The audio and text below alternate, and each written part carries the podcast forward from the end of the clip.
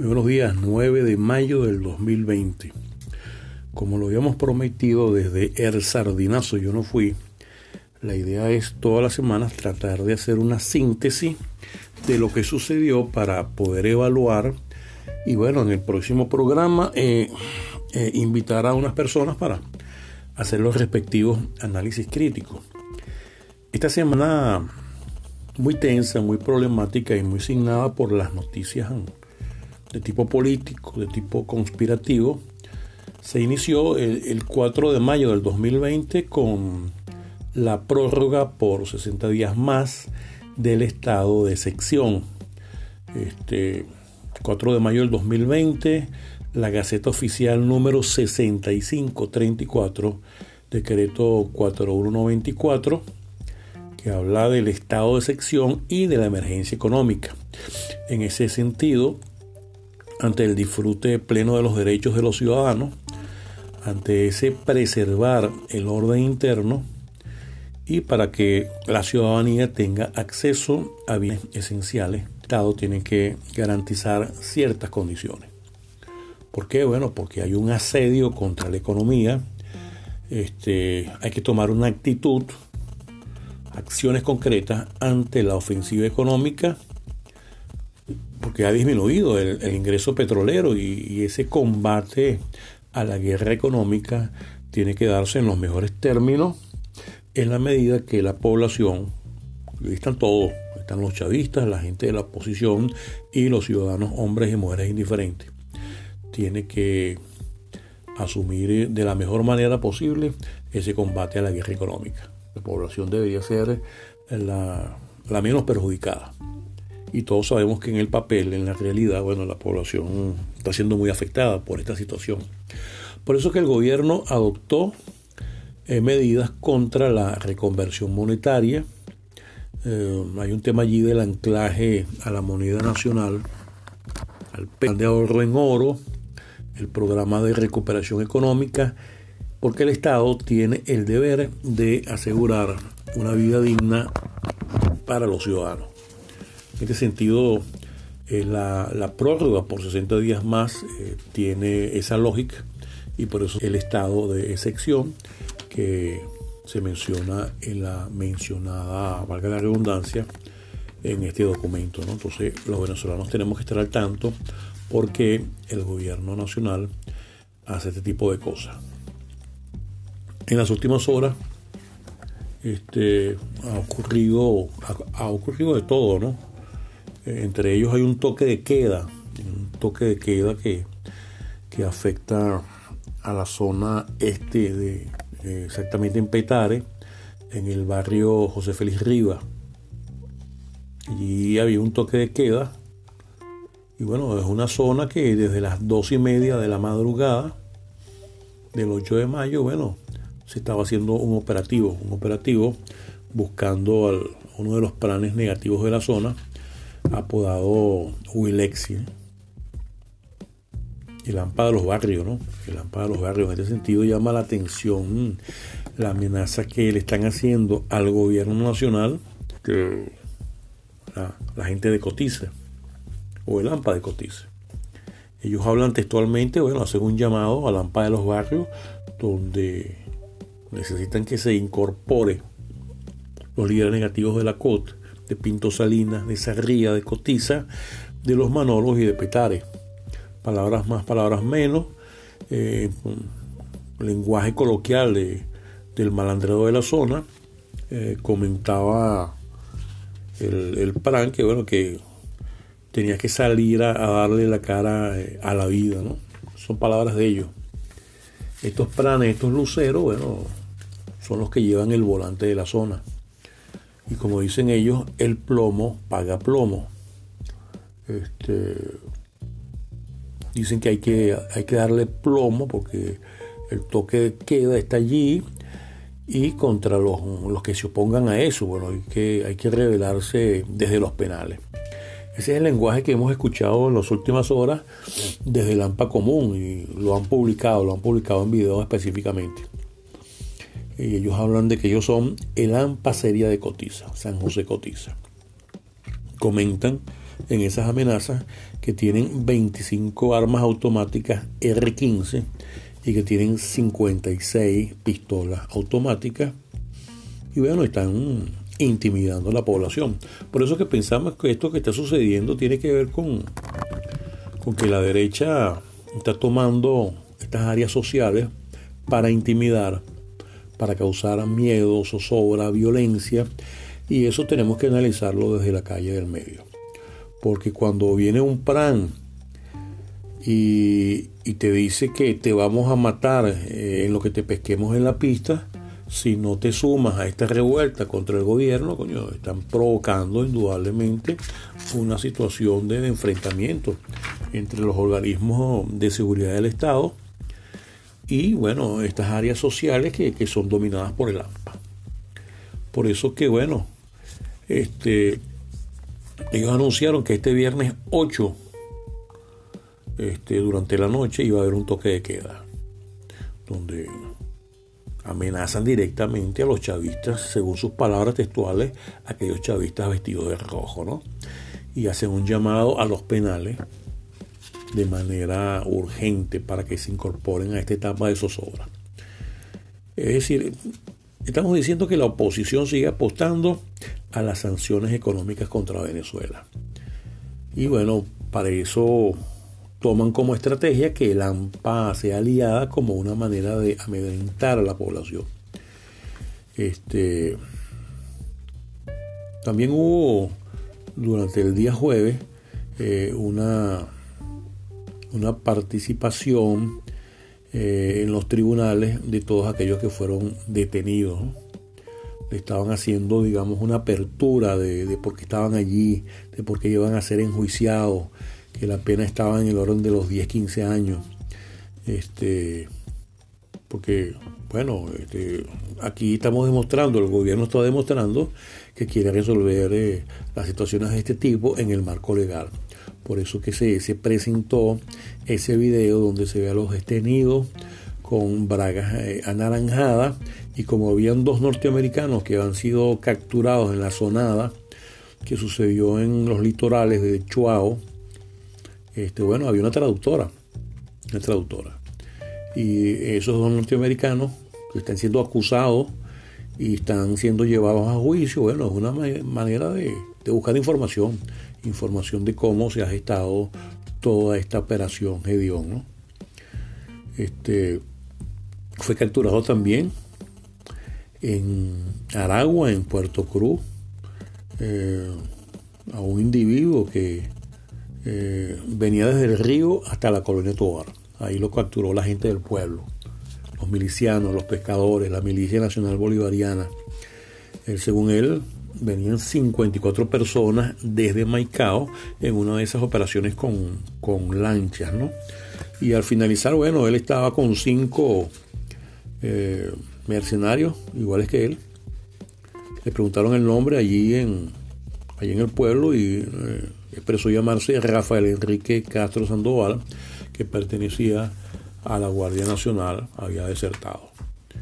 Bueno, dentro de todo este panorama, el tal eh, Jordan Guduró este, tiene mucho que ver por el tema de la firma del contrato. Y, de esto se trata. Esta semana ha sido muy conflictiva, muy conflictiva, y hay que decir una serie de cosas que han pasado necesariamente. Entre esas cosas, bueno, indudablemente esas armas incautadas, incautadas, este, en las cuales escribiera Alcalá el 26 de marzo del 2020, habló del contrato quizás por primera vez en ese momento, y bueno, y habló de los entrenamientos que se estaban dando en Río Hacha, en la ciudad de Colombia. Y todo esto está ocurriendo de una manera sorprendente porque, bueno, se ha develado todo un plan, ¿no? esas armas incautadas eh, en Colombia, incluso por la misma policía colombiana, eran para la incursión armada. Y bueno, de ahí surge la, información de parte del ex general del ejército venezolano, Cliver eh, Alcalá, de que bueno, si había un contrato y que ese contrato había sido firmado por Juan Guaidó, JJ Rendón, Jordan Guduró, y con el testigo este, el abogado Manuel Retureta, ¿no? También con el Sergio Vergara, prácticamente el equipo de, de, Guaidó este, firmando ese contrato como tal. Por eso es que el domingo 3 de mayo, cuando sale el programa de, de Patricio a Poleo, se certifica toda esta operación, ¿no? Y ahí se ve ese domingo 3 de mayo a Jordan Goudreau con el capitán este Javier eh, Nieto Quintero dando declaraciones específicas. Estamos hablando que se está lesionando la verdad. Eh, la oposición está aliándose con bandas armadas en los diferentes sectores populares que han tomado por la vía electoral demagógica y tienen tomadas ciertas zonas de Caracas. Y eso incluye los grupos peligrosos, los pranes, los luceros. Este, estamos hablando que esta gente está trabajando con mercenarios contratados de empresas norteamericanas, como esta empresa que tiene el, contratista este, Jordan Goudreau. Entonces, ¿dónde está la verdad? ¿Dónde está la verdad? ¿Cómo podemos hacer para descifrar eh, las estrategias de estas bandas armadas que intentan una vez más arremeter contra el gobierno bolivariano? Eh, las guerras actuales entonces se generan desde el entendimiento que está articulado por particulares que están siendo apoyados por estados secretos.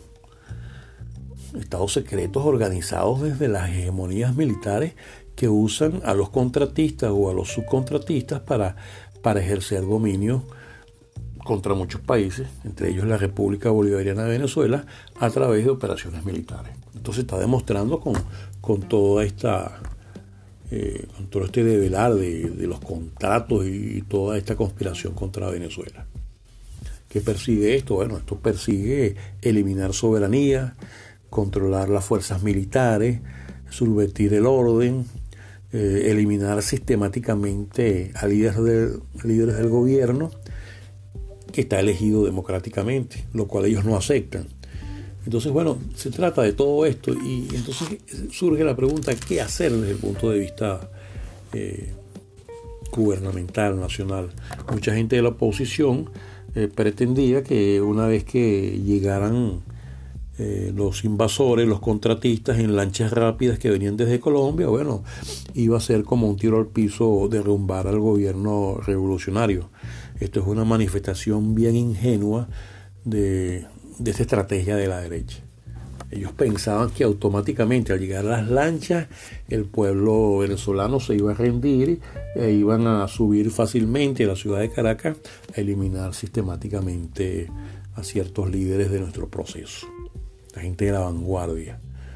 Entonces, bueno, esa operación ha sido enfrentada con mucho éxito por lo que hemos llamado en el país nacional, en el gobierno nacional de la revolución, el escudo bolivariano, donde interviene ese ejército bolivariano que está ejerciendo la derecha del país, la defensa del país, eh, bajo la dirección del Comando Estratégico Operacional de las Fuerzas Armadas Nacional Bolivariana.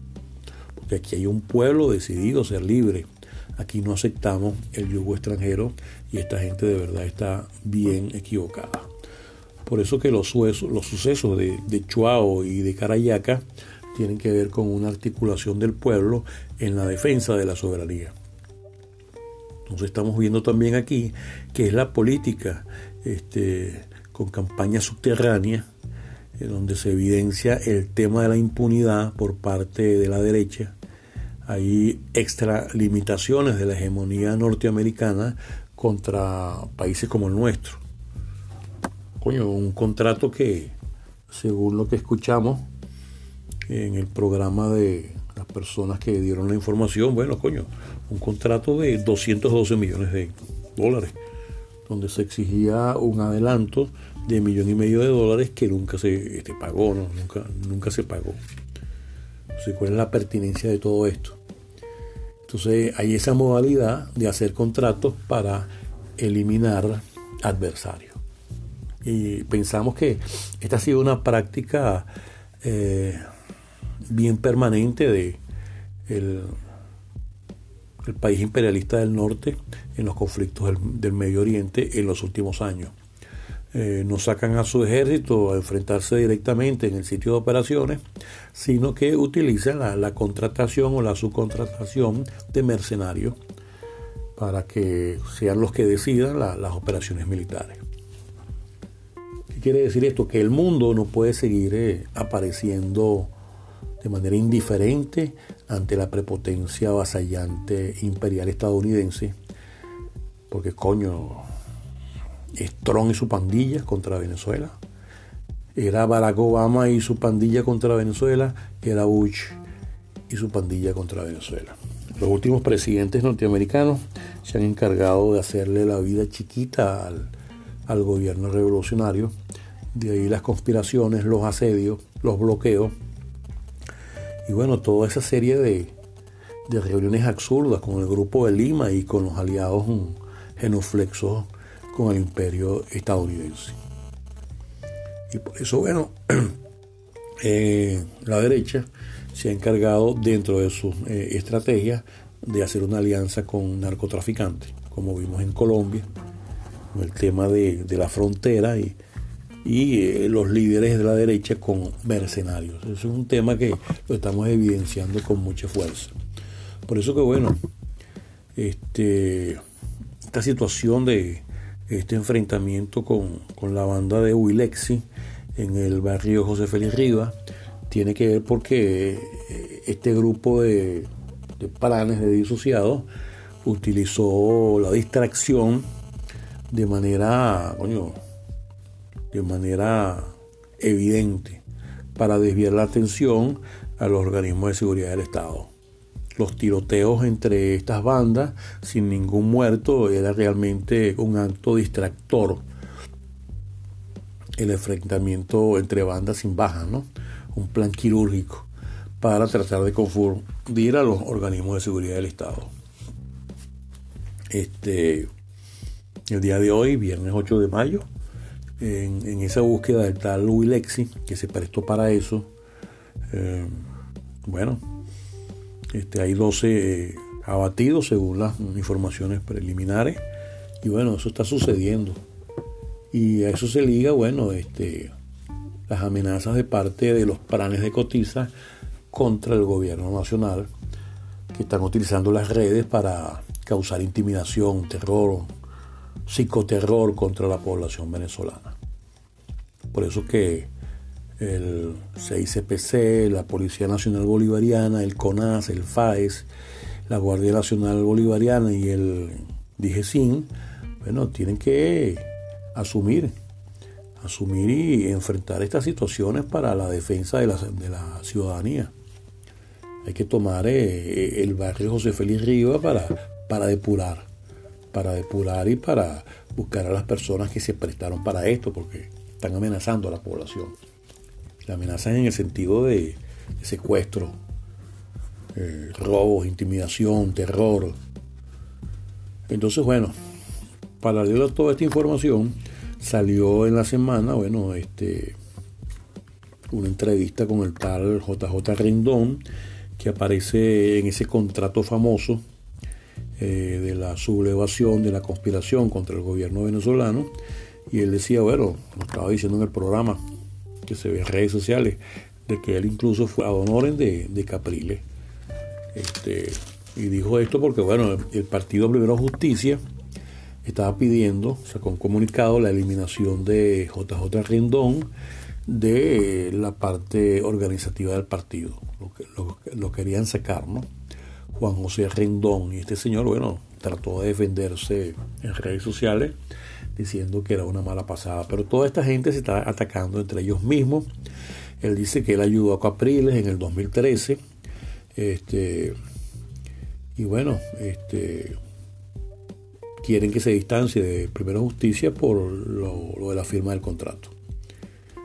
Entonces los venezolanos de derecha siguen confiando eh, en este autoproclamado ciudadano Juan Guaidó y JJ Rendón es un asesor, digamos, de, de este tipo de disociados de la derecha venezolana. Ellos mm, insisten en comentar de que no hay gobierno legítimo en Nicolás Maduro Moro, cuando nosotros hemos demostrado hasta la saciedad de que Nicolás Maduro ganó producto de unas elecciones de manera libre. ¿no? Entonces, bueno, este señor JJ Rendón en sus declaraciones habla del contrato como un ejercicio exploratorio para preparar escenarios, para ver qué pasa, para definir estrategia. El 30 de octubre, según ellos, ya no hablaron más entre sí, que ellos dicen, insisten de que ahí no estaba la firma de eh, Juan Guaidó.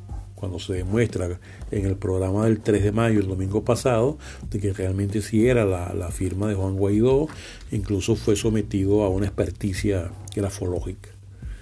Y bueno, este señor Jordan Goudreau sigue manteniendo sus declaraciones que la operación militar sigue avanzando. O sea, ellos mismos de una manera directa han estado dando información a los organismos de inteligencia venezolanos para enfrentar ese tipo de cosas. Eh, a pesar de que ellos digan de que no tienen una vinculación desde octubre del 2019.